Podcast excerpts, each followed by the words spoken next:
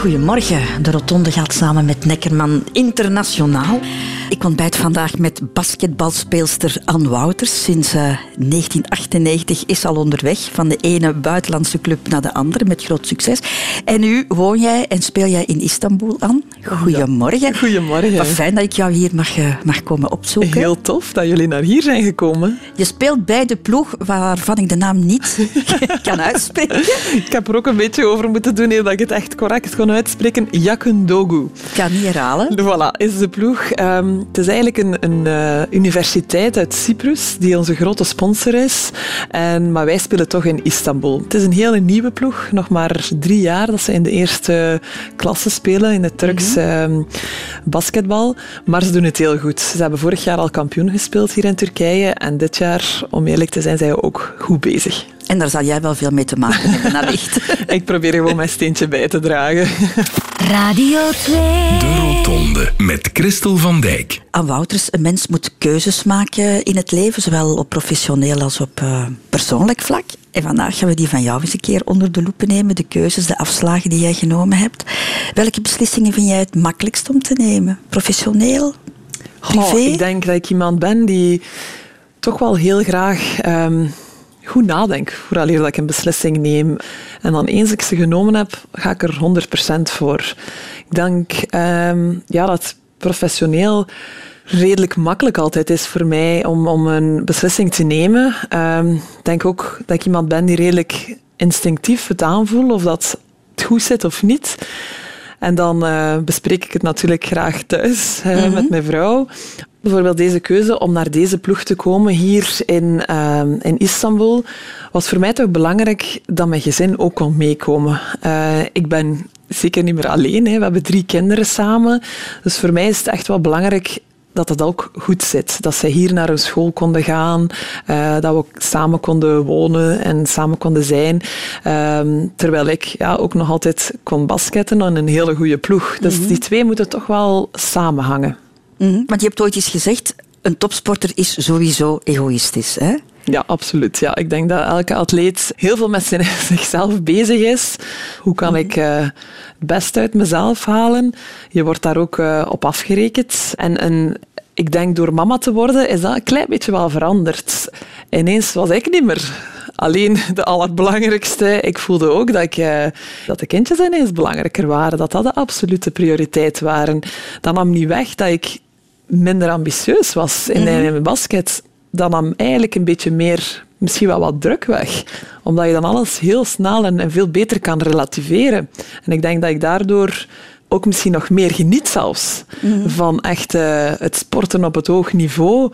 Omdat je, ja, je weet als je thuis komt, zijn de kinderen daar. Dat gaf een, een heel goed evenwicht. Je bent een bekend persoon aan Wouters, dus jij hebt een uh, Wikipedia-pagina uh, waar je niet op kan hier nee, in Turkije. In Turkije geblokkeerd. Helemaal geblokkeerd door Erdogan. Ja. Uh, maar wij hebben wel jouw Wikipedia kunnen doornemen en daar ja. kan je onder meer dit op lezen. Anne Wouters, Sint-Niklaas, 12 oktober 1980, is een Belgisch basketbalspeelster. Wouters werd vijfmaal verkozen tot Europees speelster van het jaar en was in 2005 de enigste Europese die in de YNBA NBA geselecteerd werd voor het All-Stars team. Daarnaast won ze ook tien keer een nationaal kampioenschap. Voilà, er staat nog meer op, maar dit is een, een deel. Het gaat over uh, Anne Wouters en haar carrière, maar voor het zover was, Anne, moest jij ook nog groot worden. En daarom uh, heeft Anne Koeken jou pagina een beetje aangevuld, want okay. dat ontbreekt een beetje. Oei, jouw jeugdjaren. Anne Wouters is geboren te Sint-Niklaas op 12 oktober 1980. Samen met haar ouders Roger en Frida en zus Ilse beleefde ze een onbezonnen jeugd. En al op jonge leeftijd viel Anne heel hard op, weet vader Roger. Toen ze haar eerste communie deed, dat was ze eigenlijk al groter als de, de toenmalige juf. Dat was toen een ongelukkige kleintje, maar dus ze stak er altijd bovenuit. Maar niet alleen door haar lengte viel Anne op, ook door haar goede schoolresultaten, vertelt haar vier jaar oudere zus Ilse. Hij studeerde Latijnwetenschappen, hij deed dat ook heel goed. De goede student hield ook van spelen, maar dat waren niet de typische meisjesachtige springtouw- of Barbie-spelletjes, lacht zus Ilse. Het grote idool van mijn zus was MacGyver. En dan klommen ze in de bomen en dan uh, deed ze zo wat situaties na, zeker, die ze op televisie gezien had. Ook vader Roger kan zich haar MacGyver-stunts nog heel goed herinneren. Zeker als Anne kattenkwaad had uitgestoken en haar ouders boos waren op haar, dan... Ze zat helemaal hoog in de boom en dan kwam ze terug uit. Ja, en ondertussen was het natuurlijk allemaal al voorbij. Om haar dadendrang wat in goede banen te leiden, stuurde moeder Frida energieke Anne naar de sportschool. Maar... Turnen, dan uh, wat atletiek doen, dat beviel haar toch allemaal niet. Na wat omzwervingen vond ze met wat hulp dan toch uiteindelijk haar sport, weet zus Ilse. Basket heeft zij absoluut leren kennen dankzij haar uh, beste vriendin toen, Sylvie. Uh, Sylvie die zei, zeg, je bent zo groot, ik basket, we hebben nog wel wat grote speelsters nodig, kom eens mee. En Anne had haar hobby gevonden en was er goed in, heel goed zelfs. Vader Roger bevestigt dat Anne hield van spelen en dat zij ook een kind was dat... Niet graag verloor als er spelletjes werden gespeeld. Dus ging onze MacGyver met de winnaarsmentaliteit vol voor die basket. Met de hulp van Taxi Roger. Ik herinner me heel goed, dus in een tijd dat ze dus rond de 15 dat ze in Hals speelde. En dan moest ik naar drie keer naar Hals rijden, dus uh, vanuit Sint-Gilles-Waas. Dat is toch een klein eindje. Maar dan zat zij dus gewoon uh, in de auto altijd haar werk te maken en te studeren en zo verder. En Ilse had al heel snel door dat haar grote kleine zus Anne een topper zou worden. Op het einde van de middelbare school waren er zeer veel Amerikaanse colleges in haar geïnteresseerd. En zij wilden heel graag dat zij voor vier jaar naar Amerika kwam. Gelukkig voor vader en moeder ging Anne als 17-jarige eerst aan de slag in Frankrijk bij Valenciennes. Amerika zou op haar wachten, want Anne wou winnen en Anne wou de top. En de rest is history. Anne wou winnen. Was dat echt al zo van kleins af aan? Oh, ja, ik kon echt niet goed tegen mijn verlies. En heel grappig om dat nu te zien bij onze zoon, die eigenlijk ook, ook dat karaktertrekje heeft. Radio 2. De Rotonde. Over de afslagen van het leven. De eerste afslag aan Wouters die een mens moet nemen is geboren worden. Daar heb je geen keuze in, dat uh, gebeurt. En je kan dan maar hopen dat dat in een warm bedje, in een warm badje gebeurt. En ik denk niet dat jij op dat gebied te klagen hebt. Hè? Nee, absoluut niet. Je bent de jongste van, van twee dochters. Jouw ouders waren niet meer zo jong hè, toen jij geboren werd. Jouw mama was, was 40. Hè? Ja, absoluut. Ja. En zeker in die tijd was dat toch wel uh, redelijk speciaal hè, om, om zo'n oudere mama te hebben. Ja, dat, dat gaf dat er soms wel al een verschil was. Hè. Dat uh, mijn maat ja, sowieso van, van een andere generatie was. En vond je dat erg? Er zijn bepaalde momenten geweest ja, dat ik liever had gehad dat ze wat jonger was. Maar op zich ja, gaf dat eigenlijk ook allemaal niets. Ik denk, zoals je net aanhaalde, het belangrijkste was ja, dat er toch een, een warm gezin was. En eh, dat is het allerbelangrijkste. Ik denk dat we nu ook...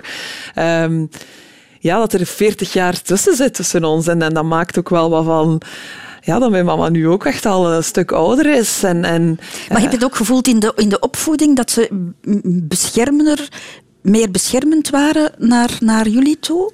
Ja, misschien wel. Ik denk het. Um, ja, mijn mama is echt ja, nog tijdens de oorlog geboren. Hè. Dus uh, zij kwam uit een gezin waar ze haar papa heel vroeg is, heeft verloren. En dan een hele nauwe band had met haar, met haar mama. Dus ik denk dat ons mama eigenlijk heel graag had gehad om haar twee dochters ook dicht bij haar te houden. En misschien... Dat is niet, zeker niet gelukt. niet gelukt. Ze hebben het omgekeerde gedaan. Dus ik denk dat mijn mama daar soms een beetje spijt van heeft, maar dat ze aan de andere kant ook wel trots is op ons, uh, dat, we het, dat we andere dingen gedaan hebben. Ik denk dat onze interesses ook wel uh, heel verschillend waren. Mijn, uh, bijvoorbeeld mijn mama was helemaal niet geïnteresseerd in sport. Ze heeft zelf ook nooit sport gedaan, dus dat was ook wel een hele nieuwe wereld voor haar. Ehm, mijn vader aan de andere kant, die was wel iets sportiever, maar heeft ook, als hij jong was, ook eigenlijk nooit echt in een sportclub geweest. Op latere leeftijd is hij dan wel wielertoerist geworden en was hij altijd heel geïnteresseerd in het wielrennen. Dus hij zat iets meer in de sport. Maar onze interesses lagen wel heel ver uit elkaar. Um, en dat is, ja, dat is zo speciaal eigenlijk, dat ik ook niet goed weet van, van waar is die gekomen, van waar is die drang in, in mij echt gekomen om, om uh, ja, ervoor te willen gaan in die basketbalwereld. Dat is eigenlijk ook allemaal wat toevalligheden. Het heeft waarschijnlijk ook wat met jouw lengte te maken, die basketbal, ja. Um, Jouw vader zei het al, je was al bij je eerste communie, stak je al boven de, boven de, de rest uit, boven de lerares uit. 1 meter 96? 1 meter 95. 95, ja. Was er thuis een zekere ongerustheid over, dat jij bleef groeien? Goh, ik kan me herinneren ehm, dat we één keer zo eens een, eh, een hoe zeg je dat, een x-ray hebt laten doen, zo'n foto laten nemen van, van jouw pols, van, van mijn pols, om dan een klein beetje te proberen inschatten hoe groot dat ik ging worden. Dus daar was toch wel een klein beetje ongerustheid over. Van, ja, ik was wel echt heel groot. um, en, inderdaad, ik bleef maar groeien. Ik, ik, heb altijd eigenlijk geweten dat ik groot was en dat ik bleef groeien. Dus niet dat ik zo op een bepaalde leeftijd ineens een gigantische scheut heb gekregen.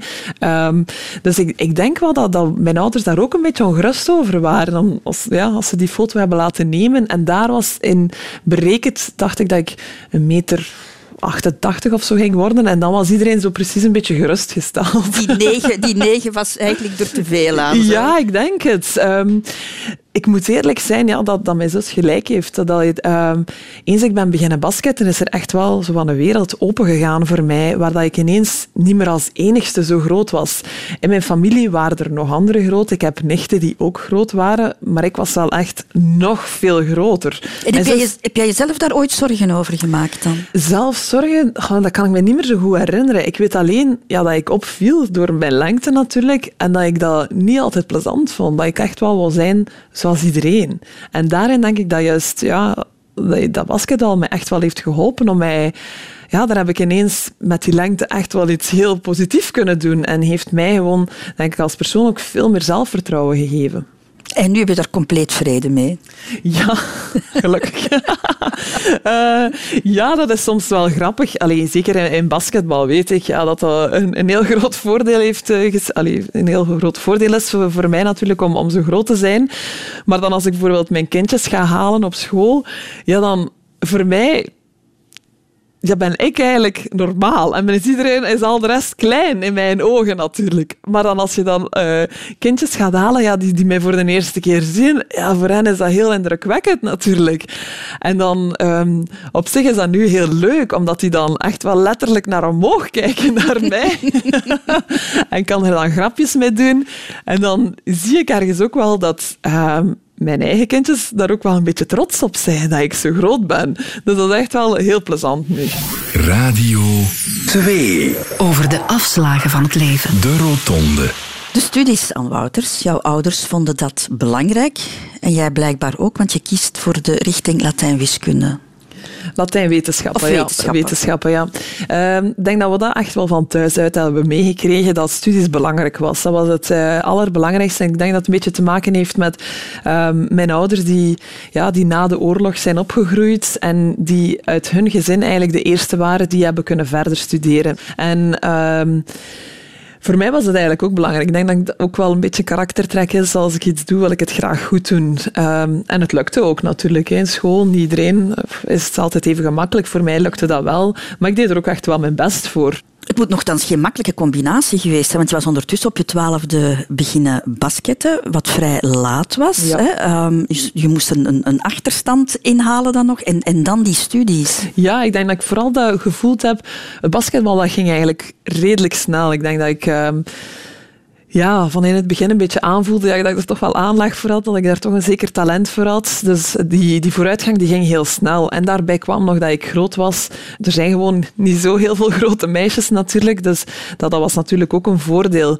En dan die studies, ik denk vooral vanaf het vierde, vijfde middelbaar begon dat toch wel iets moeilijker te worden om dan die combinatie te doen, omdat ik dan juist ook in Aalst ben gaan basketten. Omdat we in Sint-Niklaas hadden ze geen ploeg, geen basketploeg meer in Eerste Nationale. En dan in in Aalst wel. Dus dan moest ik echt wel, wel dat traject ten eerste doen. Hè. En, en die studies combineren. En ik weet van thuis uit moest er altijd ja, goede punten halen, alvorens dat ik mocht gaan trainen. Dus ik denk dat mijn ouders mij nooit gepusht hebben in, in de richting sport, maar eerder in de richting studies. Daarom denk ik dat ik ook op vroege leeftijd echt geleerd had om, om mezelf een beetje te organiseren qua huiswerken, omdat ik wist maandag, woensdag, vrijdag waren de trainingsdagen, dus dan had ik minder tijd om mm -hmm. te studeren, dus deed ik het al op voorhand. Geen naar op mijn hoofd dat dat zou denken om een training te missen. Mm -hmm. Ik wou dat niet. En als ik daar nu bij, bij stilsta, is dat misschien op zich wel misschien goed geweest. Je mhm. weet dat niet. Of dat mij dat een beetje uh, een karaktertrek heeft gevormd voor mij om, om er echt wel voor te willen gaan. Omdat ik wist, het moet van mij komen. Nu, op je zeventiende moet je beslissen. Hè? Ja. Volledig voor dat basketspel gaan of, of studeren. Ja. Oh, het moet toch een moeilijke keuze geweest zijn, denk ik. Ja, dat was, dat was niet gemakkelijk. Daarin heb ik echt wel een aantal serieuze discussies gehad bij, met mijn ouders. Omdat zij wilden echt wel liever dat ik een, een diploma had in België. Aan een, liefst aan een universiteit of aan een hogeschool. Um, en, en dat ik dan mijn leven en dan daarna misschien die basket uh, erbij. Zij zagen dat nog altijd echt wel als een hobby. Mm Terwijl dat ik iets had van, ik voelde al aan, in België was op dat moment het echt wel nog helemaal niet professioneel. was drie keer trainen per week, wedstrijd in het weekend. Dus dat, ik voelde dat er wel een andere wereld was waarin basket toch wel uh, op een ander niveau werd gespeeld. En dat ik daar ook wel echt wou voor gaan. Je hebt er echt wel ervoor moeten knokken, hè? dat is wel duidelijk. Hè? Ja, ja want je gaat dan naar Valenciennes, je gaat dan uh, op je zeventiende ja. naar, het, uh, naar het buitenland en je probeert dat te combineren met studies. Ja, ik had haar een aantal weken mogen trainen en ik voelde dat ik eigenlijk dat niveau al aankon. En dan dacht ik van, oké, ik ben in Valenciennes, wat op zich een dik uur rijden is van thuis. En ik kan proberen die combinatie met studies hier uh, te, te proberen in het begin ja, was dat natuurlijk heel ambitieus om dat te proberen, die, die combinatie met studies. Dat bleek al heel snel dat dat een beetje moeilijk was, omdat we... Ja, ik kwam ineens terecht wel in een professionele ploeg waar men twee keer traint per dag en dan twee wedstrijden in de, in de week spelen met verplaatsingen. Frankrijk een heel stuk groter als België. We vertrokken meestal de dag voor de wedstrijd al op verplaatsing. En dan ook nog Europese wedstrijden. Dus al vrij snel bleek dat die combinatie met studies toch wel moeilijk eh, bleek. Maar vind je dat jammer? Vind je dat een gemiste afslag dat je geen diploma hebt? Misschien wel, ja. Ik denk dat... Uh, als je iemand nieuw leert kennen, is toch wel een van de eerste vragen. Hè? Wat je zelf, heb jij gestudeerd of zo? En, en uh, mensen worden er nog altijd toch snel op afgerekend. Hè? Of je, wat heb je juist gestudeerd of zo? Dus ergens, ik denk zeker nu ook als mama, vind ik dat ook belangrijk. Voel ik dat, dat ik het heel graag zou hebben dat mijn kinderen het, het ook goed doen op school, omdat ik weet dat dat gewoon veel meer mogelijkheden geeft. Nu, om daar echt, dat ik nu echt spijt van heb, dat is een groot woord. Want als ik, als ik echt zou willen, zou ik er nog altijd voor kunnen gaan. Zou ik nog altijd een diploma kunnen halen. Er zijn nu veel meer mogelijkheden om echt ook wel sport en studies te combineren. En die drang, drang heb ik nu toch ook echt niet meer. Het woord basketbal is al heel veel gevallen in dit gesprek aan Wouters. Ik wil toch wel eens hebben over de echte keuze daarvan. Want je had ervoor al een aantal sporten geprobeerd, maar niks dat jou echt lag. Nee. Wat voelde jij de eerste keer op dat basketbalveld? Om eerlijk te zijn, het sociaal contact was voor mij heel plezant in het begin. Het was de eerste keer dat ik een ploegsport deed. Daarvoor heb ik een aantal andere sporten geprobeerd. Zelfs ja, lachen, een beetje jazzdance, zelfs turnen, atletiek. En dat was voor mij wel oké. Ik vond dat allemaal wel even leuk, maar die, dat was nooit dat ik, daar, dat ik dat lang volhield en, en dat je daar met veel plezier dan altijd naartoe ging. En dat denk ik, dat is mijn allereerste herinnering van basketbal. Ik vond dat heel leuk om met anderen iets te doen, samen te spelen. En natuurlijk voelde ik dat ik met die bal heel gemakkelijk dingen ja, aanleerde. En, en ik vond dat heel plezant. Maar ik denk het allereerste was het ploeggebeuren dat ik echt wel heel leuk vond. Gaf die, die sport jou zelfvertrouwen ook? Toch wel, ja. Ineens um, kwam ik jongens tegen die groter waren dan mij. Dat was even van, oef, ik ben hier niet de allergrootste. en, en in die basketbalwereld voelde ik mij ineens ja, niet meer een uitzondering. En dat was wel heel, uh, een heel aangenaam gevoel. Mm Je trekt dan al heel vroeg naar het buitenland. Hè. Valenciennes inderdaad nu niet zo ver, maar kom, je moet daar toch maar alleen naartoe gaan. Ja. Was dat angstaanjagend? Oh, ik denk het niet. Ik, ben daar wel natuurlijk ja, op, op mijn zeventiende alleen gaan wonen, maar ik vergelijk dat altijd een beetje met op kot te gaan. Omdat ik inderdaad nog veel naar huis kon komen. Het was echt mhm. wel, ik kon de auto nemen en, en je kon naar huis gaan. Maar toch was je alleen. Uh, van thuis uit heb ik eigenlijk nooit iets moeten doen in het huishouden. Ik wist van niets. Ik denk, ik kon geen was insteken, ik kon niks koken. Dus ik heb daar dat wel allemaal een klein beetje moeten leren om gewoon zelfstandig te zijn. Wat ik denk dat heel veel studenten ook leren als ze op kot gaan.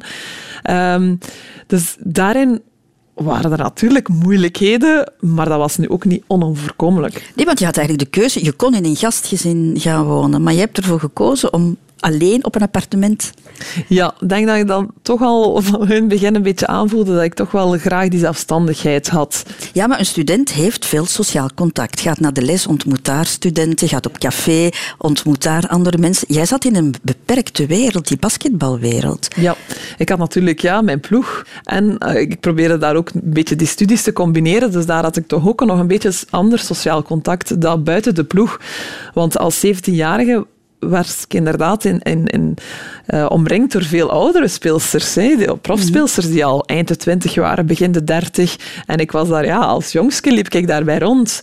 Maar in die ploeg waren er ook, was er ook een, een, een jongere ploeg. Dus ik, ik ging ook heel veel om met, met ja, uh, die meisjes van, van mijn eigen leeftijd. Je hebt je nooit eenzaam gevoeld in al die jaren?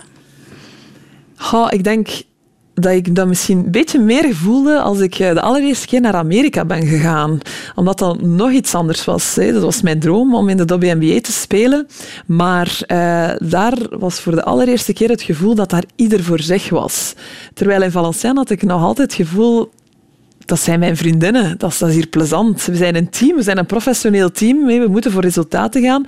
Maar toch was er zoiets heel... Um, ja, uh, nog vriendelijk. Allee, iedereen was, was lief voor elkaar en wou het beste voor elkaar. En daar in Amerika ben ik voor de eerste keer echt wel terechtgekomen in een, in een professionele wereld waar dat keihard was. Waar dat iedereen ineens begon te vechten voor een eigen plaatsje. En dat had ik nog nooit meegemaakt. En daar denk ik, is wel de eerste keer dat ik mij eenzaam voelde. -hmm. Want je hebt eigenlijk, ik heb eens even geteld, uh, van 98 tot nu heb jij volgens mij bij 19 buitenlandse clubs gespeeld. Klopt dat? dat zou ik niet weten, maar dat kan. Hè? Ja, dat maar je hebt toch nooit de ja. tijd gehad om jou echt ergens in te burgeren dan? Ik denk dat dat een, uh, inderdaad iets is wat dat, je moet je heel goed kunnen aanpassen eigenlijk als profspeelster. Uh, en, en dat ben ik ondertussen ja, echt wel gewoon geworden, dat je van de ene ploeg naar de andere gaat. En dat is iets wat dat je moet leren. Als jonge speelster, als 17-jarige speelster, had ik het gevoel dat ja, iedereen mijn vriendin was. Maar dat is eigenlijk niet zo. Dat zijn mijn collega's. En daarin word je wel iets harder. En daarin voel ik dat wel, dat ik ook harder in ben geworden. Dat ik nu naar ploegen ga. Ik kan me heel gemakkelijk aanpassen in een nieuwe omgeving. Maar misschien ben ik ook voorzichtiger geworden ga ik mij ook nooit meer volledig blootgeven? Of, of zijn echte vriendschappen veel moeilijker nu om, om te maken, mm-hmm. omdat ik weet dat het altijd van korte duur is. Je, je brengt heel veel tijd door met mijn teammates. Ja, we zijn op verplaatsing. Um, wij, we trainen elke dag samen. We hebben wedstrijden. We, allee, je leeft iets heel intens samen. Maar voor zeven à, zeven à acht maanden. En dan misschien zie je die nooit meer terug. Dus dat is echt wel iets wat je moet leren. De Rotonde. Aan Wouters, je bent een basketbalspeelster van internationaal niveau. Enorm veel prijzen, titels uh, gewonnen. Ik ga ze niet allemaal opnoemen. Maar goed, je was vijf keer Europees basketbalspeelster van het jaar. Vier Euroleagues, te vergelijken met de Champions League in het voetbal. Tien nationale titels. Je won de prestigieuze titel in de W NBA in de Verenigde Staten, enzovoort, enzovoort. Dat is allemaal heel veel. Vind je dat je daar genoeg erkentelijkheid voor gekregen hebt? In België dan? Mm Dat is eh, een vraag die ik veel krijg. En om eerlijk te antwoorden, ik heb al die titels gewonnen in het buitenland. En ik denk dat daardoor ook veel mensen mij nooit aan het werk hebben gezien. En het was ook wel ingewikkeld hè, om, om te weten waar zit Jan Wouters ja, die Dan zit ze in Rusland, dan zit ze in Amerika, dan is ze even in Korea gespeeld. Dan is ze heeft overal uh, gezeten, dus het was niet simpel, denk ik, om mij te volgen. En ik denk, ergens een, een beetje een nadeel is dat uh, de resultaten met de nationale ploeg waren nooit goed. Uh, of het was altijd een verhaal van net niet. Het was, we zaten er dichtbij, maar toch net, net niet. En ik denk, moesten die resultaten misschien beter geweest zijn, um, had ik misschien iets meer erkenning ook in België gekregen. Dat stoort me niet echt. Ehm, ik ben heel vaak uh, bij Sportvrouw van het jaar in de top drie geweest. Voor ja, hoeveel mij... keer ben jij daarvoor genomineerd? Eigenlijk? Ja, ik weet het niet van buiten. Veel. maar dat was in de tijd met Kim Kleisters, Justine Net, Tia Hellebout, noem er maar op. Dat waren echt wel ook heel grote toppers. Dus op dat moment vond ik dat een eer om daarbij te horen bij die top drie, bij die top vijf. Um, dat waren... Ja, atleten die Grand Slams wonnen, die een Olympische medaille hadden gewonnen. Dat was dat heel moeilijk, vond ik, van mezelf ook, om daarmee te concurreren. Dus vond ik dat echt wel heel tof, om, om in dat rijtje te horen. Nu, met iets ouder te worden, besef ik ook dat we in België, of ook in Vlaanderen, nog veel andere prijzen hebben dan enkel sportvrouw. En dat ik die bijvoorbeeld nog geen één keer heb gewonnen, dat steekt misschien iets meer nu met het ouder worden. We hebben een Vlaamse reus, we hebben sportverdiensten, we hebben er zodanig veel. En daar heb ik eigenlijk ook nooit iets, uh, nooit iets gewonnen. En dat begint nu, denk ik, een klein beetje te steken van oké, die sportvrouw, oké, daar moest ik uh, concurreren ergens met hele grote spelers, hele grote atleten. Maar misschien had ik een andere prijs wel al ooit een keer kunnen winnen. En dat steekt misschien een klein beetje nu. Maar op zich, om daar echt van wakker te liggen, nee. dat ook weer niet hoor. Je bent heel lang uh, weggebleven uit de nationale ploeg, de Belgische nationale ploeg. Zes jaar denk ik dat je niet hebt meegespeeld. Maar nu maak je de keuze om daar opnieuw te staan. Ja. Dat heeft te maken met een paar, uh, paar dingen. Ik denk het formaat is veranderd. Normaal in de nationale ploeg een zestal jaar geleden werd enkel gespeeld in de zomer, kwalificatierondes, EK's. En daarin moest ik dan de keuze maken, ofwel nationale ploeg, ofwel WNBA. En op dat moment vond ik het ook iets ja, uh, belangrijker om, om in die WNBA te spelen. En was dat geen gemakkelijke keuze gewoon. Ofwel moest je kiezen voor de nationale ploeg of daarvoor. Nu hebben ze de formule een beetje aangepast. Dat die kwalificatierondes die worden gespeeld tijdens het Europees seizoen, dat wordt dan even stilgelegd. Dus het is veel gemakkelijker om daaraan deel te nemen. Dus dat is al één reden, wat dat toch wel iets makkelijker was. En dan een andere reden is toch wel dat ik het gevoel had dat, we, dat er heel wat potentieel zat in die ploeg. En ik wist dat ik nog iets kon bijbrengen met mijn ervaring. Jij bent de oudste, hè? Absoluut. 37. Ja. En um, er, er is een hele goede jonge generatie maar ergens hebben ze ook nog wel ervaring nodig. En ik wist dat ik um, ten eerste wat rust kon brengen in de ploeg en die ervaring kon, kon meegeven. En dan had ik het gevoel van, hier zit iets in in deze ploeg. Jullie hebben het goed gedaan op het Europees kampioenschap, eh, bronzen medaille. Wil jij nog iets betekenen later voor die nationale ploeg, na jouw carrière? Ik denk dat een nationale ploeg heel belangrijk eigenlijk is. Dat besef ik zeker nu. Het klinkt heel cliché, maar die bronzen medaille heeft toch ook wel echt iets gedaan met mij. Omdat dat nog zo anders was dan al de rest wat ik al gewonnen had om met die nationale ploeg net iets te winnen. Zo? Ja, dat, dat, dat, was zo, zo bijzonder. Ja, echt wel. En uh, ik denk, al die meisjes die, die in die ploeg daar zaten, we hebben denk allemaal een beetje hetzelfde gevoel. Dat zat allemaal zo goed. Uh, de ploeg ging heel goed aan elkaar. We hebben dan een aantal wedstrijden echt in de laatste seconde gewonnen. Dus natuurlijk is dat voor een groepsgevoel, ja, kan niet beter zijn.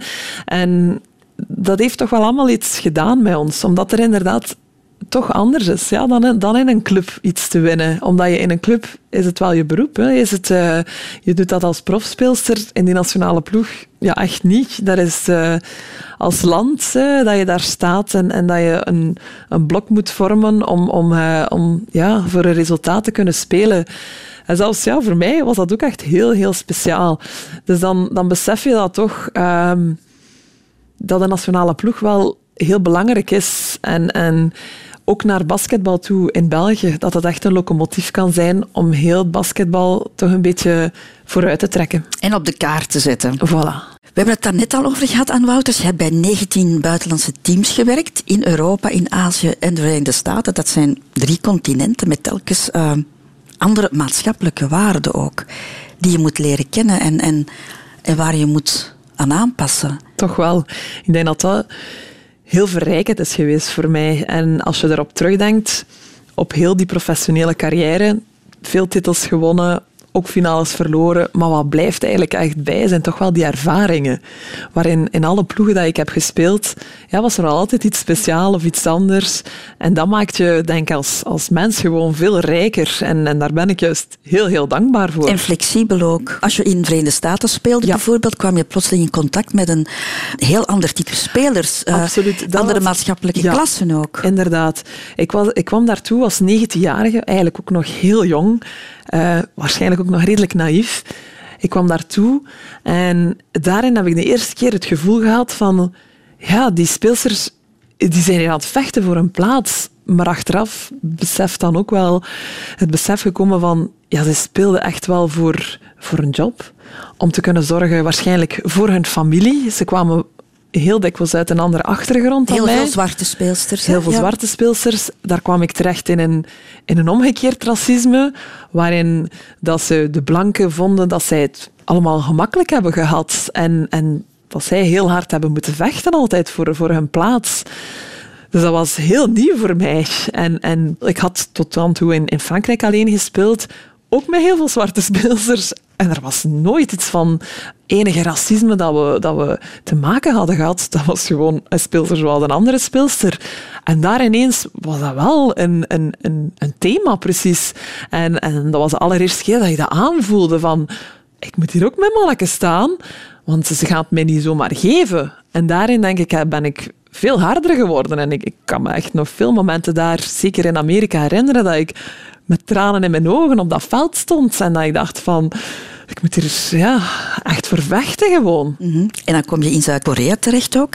Een, een, streng hiërarchische wereld dan weer. Dat ja. was weer iets totaal anders. Helemaal anders. Was eigenlijk... Uh, ja, plezant om die verschillende culturen gewoon mee te maken. En in Zuid-Korea, ja, Aziatische cultuur, ja, ik was er ook nog nooit geweest, waar dat de hiërarchie zo hard uh, wordt gerespecteerd.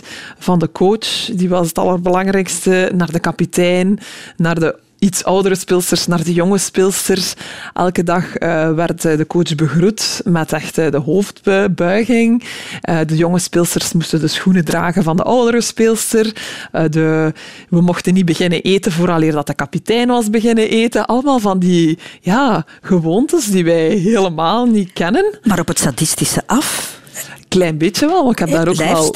Ik heb daar echt wel met mijn eigen ogen gezien dat daar jonge speelsters ja, echt wel werden uh, ja, mishandeld. Hè? Dat die iets misdaan hadden op het veld en dat die echt wel op hun knieën moesten gaan zitten met hun armen omhoog en dat, er, dat ze echt wel letterlijk uh, met een twijgje geslaan werden. Hè? Dus dat heb ik echt wel met mijn eigen ogen gezien.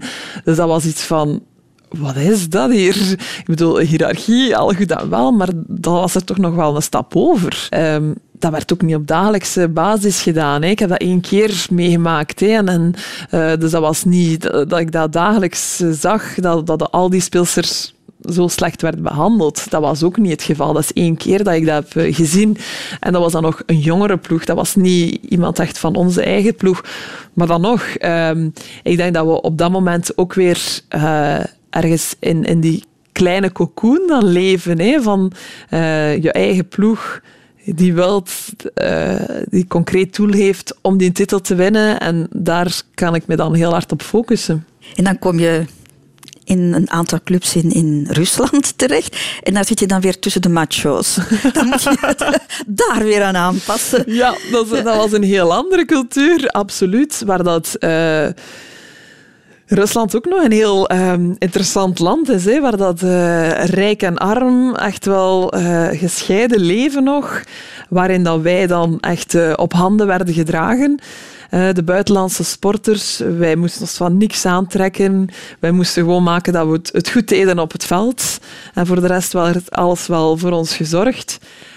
daar waren dan de extravagante feestjes met uh, veel alcohol, veel uh, eten op tafel, met schaars geklede danseressen.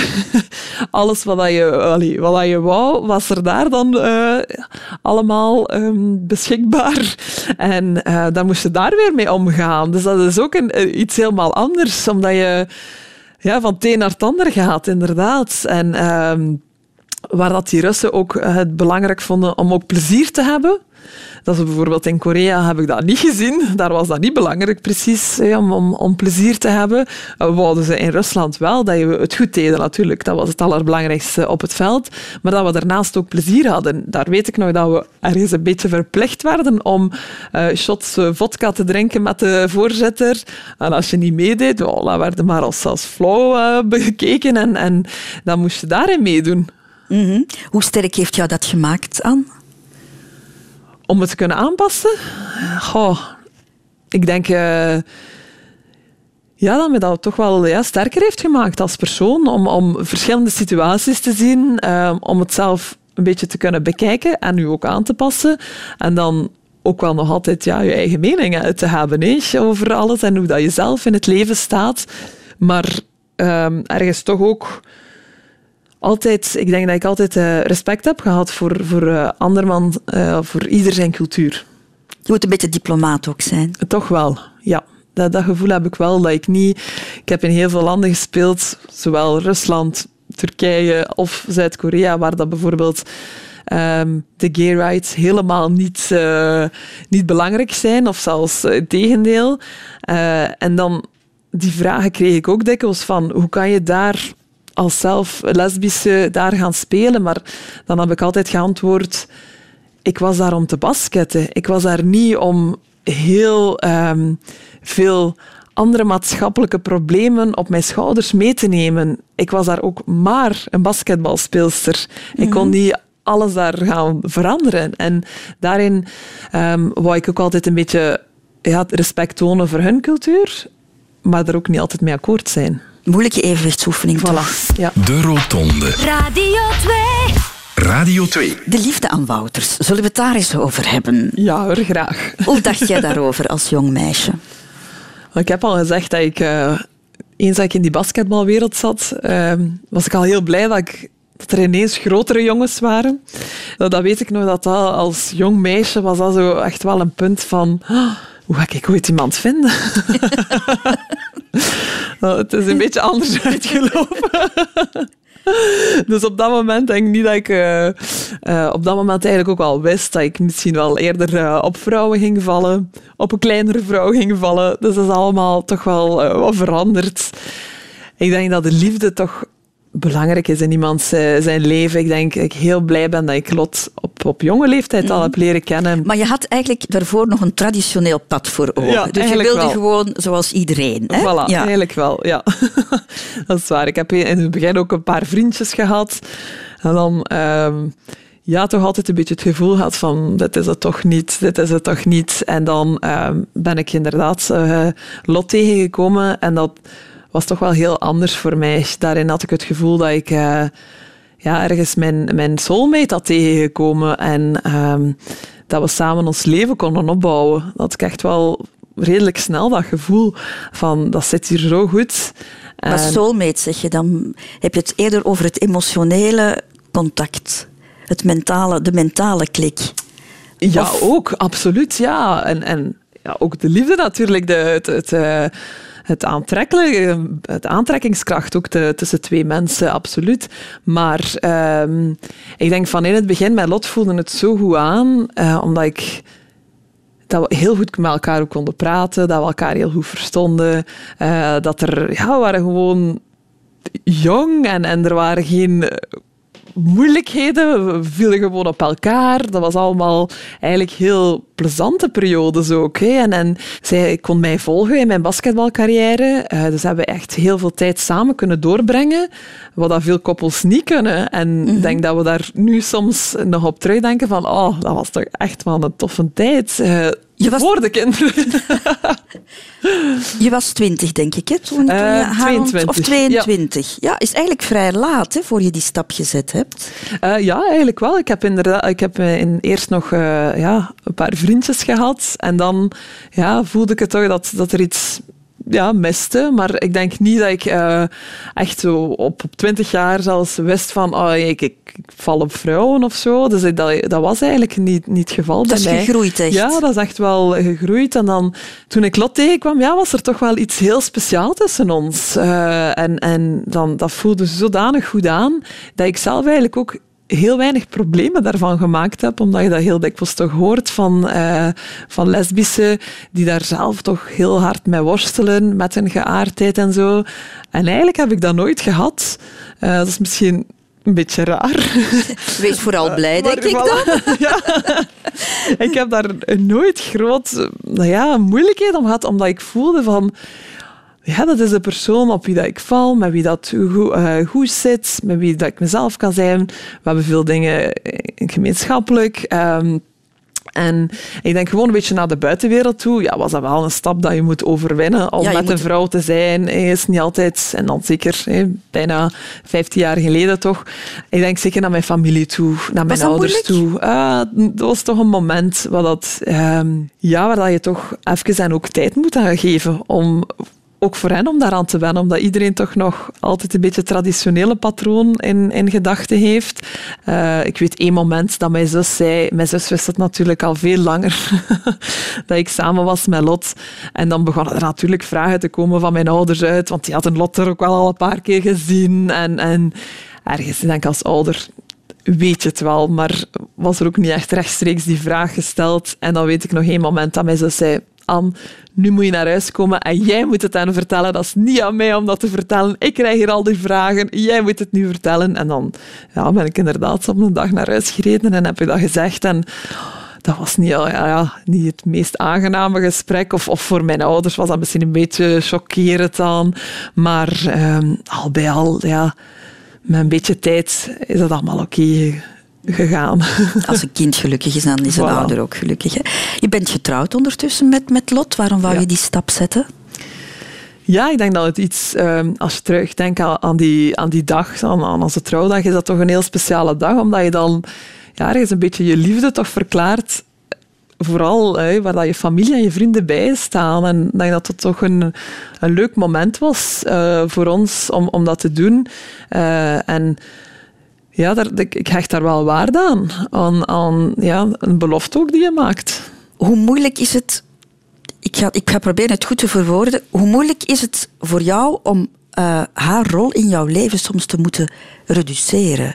Hè? Want je speelt in, in landen um, waar je soms verstoppertje moet spelen ja. over jullie relatie.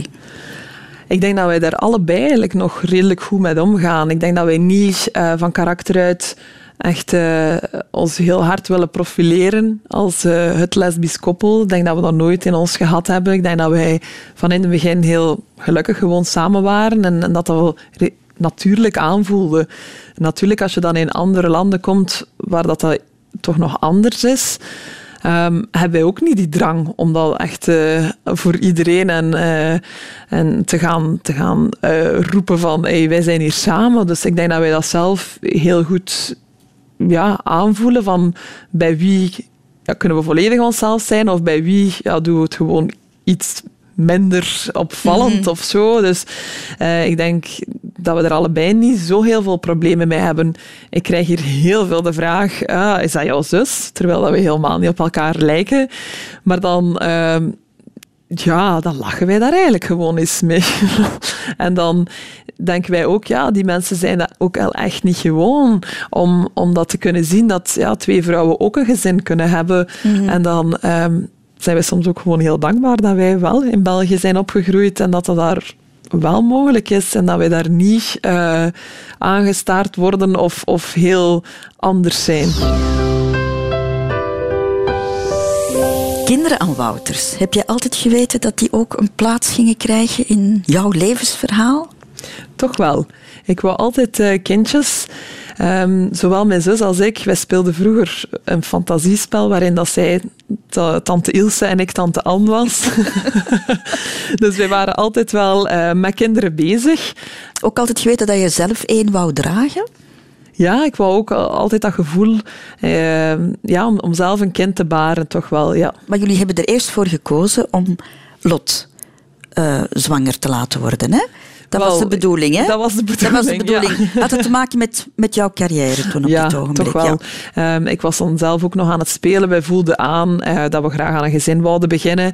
Dus was Lot inderdaad eh, aan het proberen om zwanger te worden, wat dat eh, niet zo makkelijk bleek te zijn.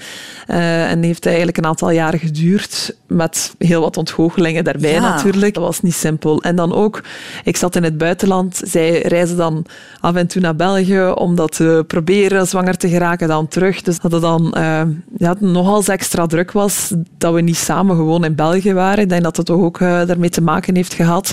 En ehm, ja, als je die kinderwens hebt en dan dat blijft maar duren, is dat inderdaad niet simpel.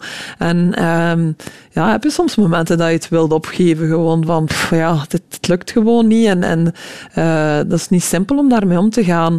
Maar gelukkig ja, hebben we een manier gevonden om dat toch ook, de- als koppel ook, om, om, om daar toch ja, een manier voor te vinden. Ehm, Ja, want dan besluit jij om, om ervoor te gaan. Hè? ja, op, ehm, ik had toen zes jaar ook in Rusland gespeeld. Dus op dat moment had ik zoiets van, had ik de allereerste keer het gevoel dat basketbal, ik vond het niet meer zo leuk. Het was mijn passie niet meer. Het was echt eigenlijk een job geworden. En dan dacht ik, dit zit fout. Dit, klopt gewoon niet. Ik was altijd iemand die zo graag naar de training ging, matches speelde.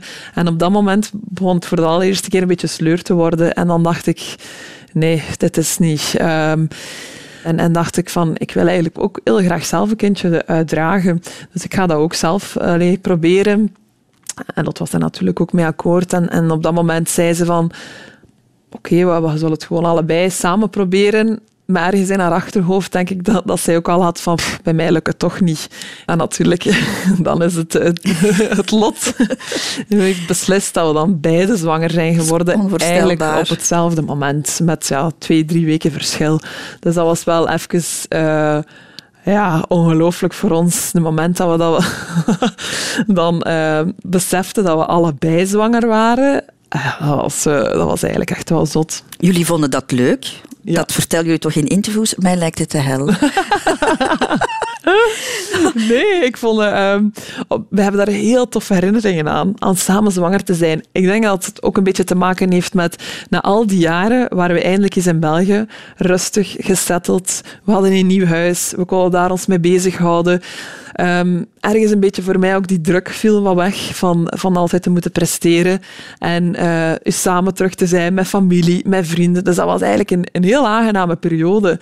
Ehm, en beide zwanger zijn, ja, we, we konden er heel goed over spreken natuurlijk met elkaar. Van, hé, wat voelde jij, wat voel ik? Eh, we moesten niet te veel doen. We waren wat, wat meer moe dan anders. Maar ja, we konden veel meer slapen. Er was, allee, dat, dat was eigenlijk een hele relaxe periode. Nu, het, het, het heeft wel professionele gevolgen gehad natuurlijk, hè, want jij was dan eh, zwanger. Eh, dat betekende contractbreuk. Ja. En jij viel dan plotseling ook zonder inkomen. Ja.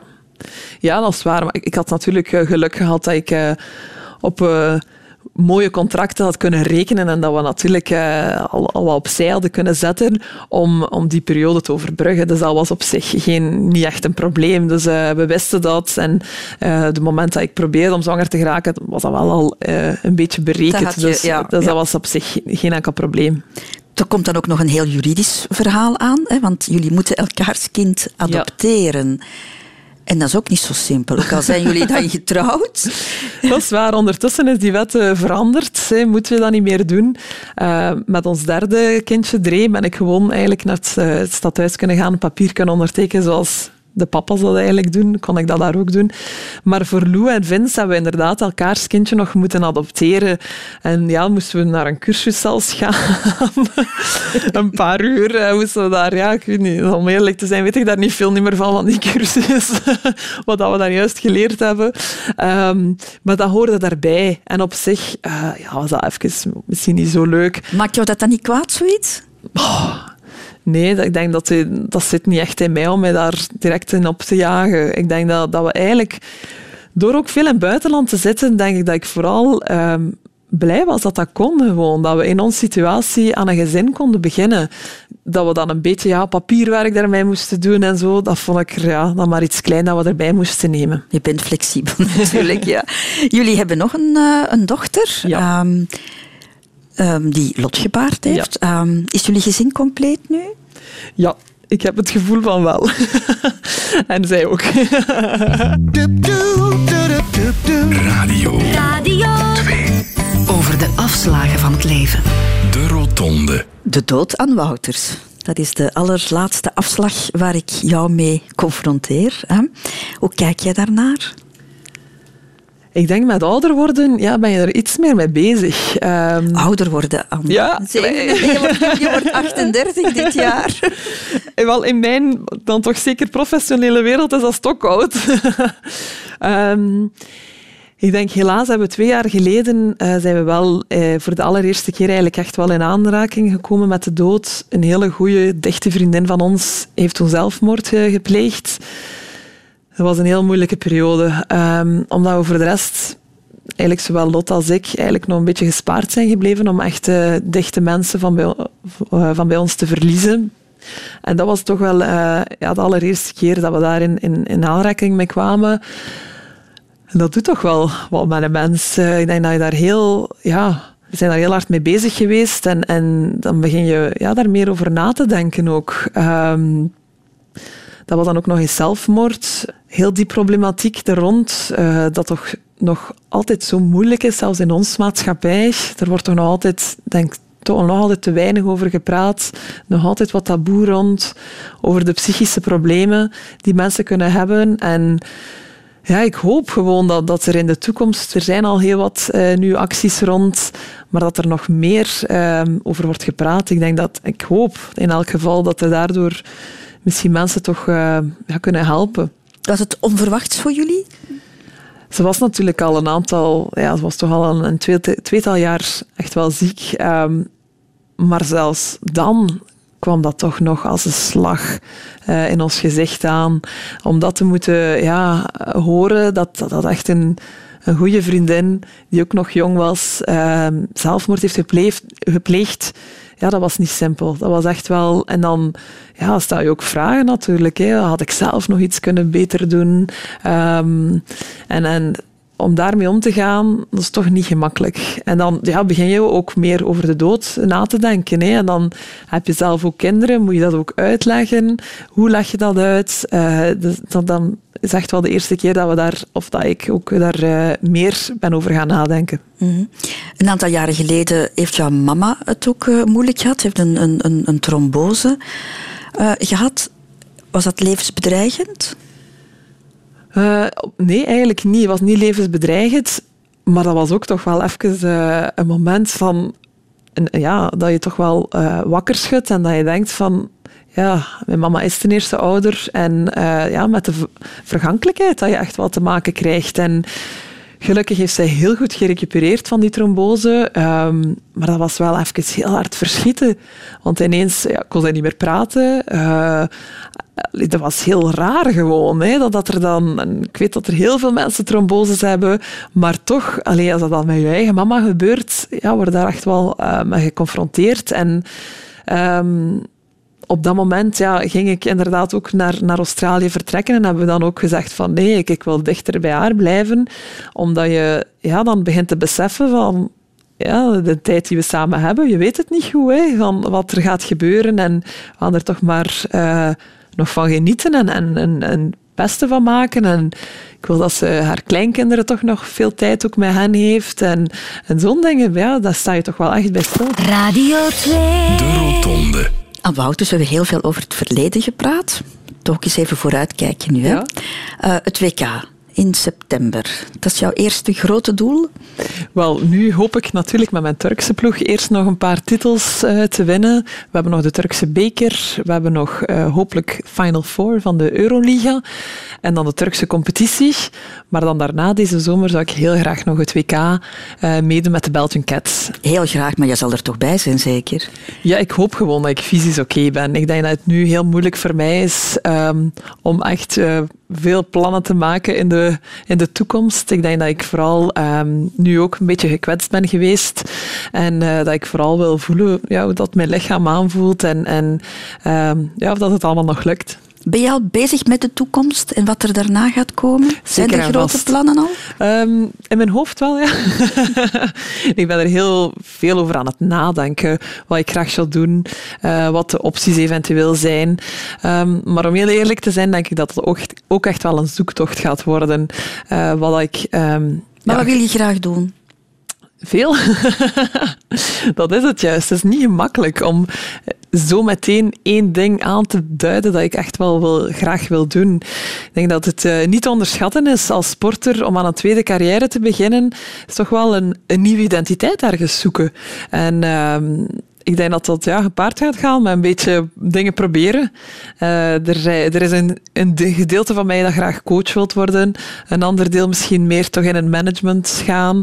Ehm, dus wie weet. Ik, ik, kan er nog niet echt heel precies zeggen wat het juist gaat worden. Mm, maar de rode draad in dit gesprek was aanpassen, eh, flexibel, flexibel. zijn. Dus dat zou jou zeker lukken, denk ik. Ik hoop het in ieder geval. Ik vond het heel fijn om jou te ontmoeten. Eh, Dank je wel. Fijn dat je me even... Wat heel tof dat jullie naar hier zijn gekomen. Ja, maar zeg, dit is geen straf, hè, Istanbul. Nog één ding, Anne, en dat is mijn gastenboek. Oké. Wil jij daar ook iets in schrijven? Ja hoor.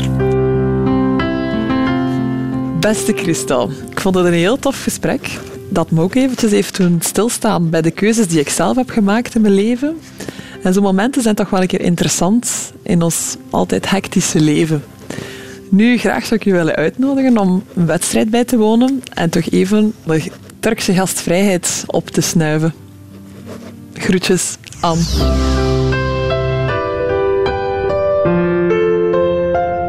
Radio.